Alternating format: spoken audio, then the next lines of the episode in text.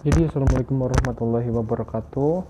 Alhamdulillah uh, saya ucapkan selamat datang untuk semuanya, terutama untuk uh, teman-teman yang sudah mau menyempatkan waktunya untuk uh, mendengarkan audio saya pada kali ini.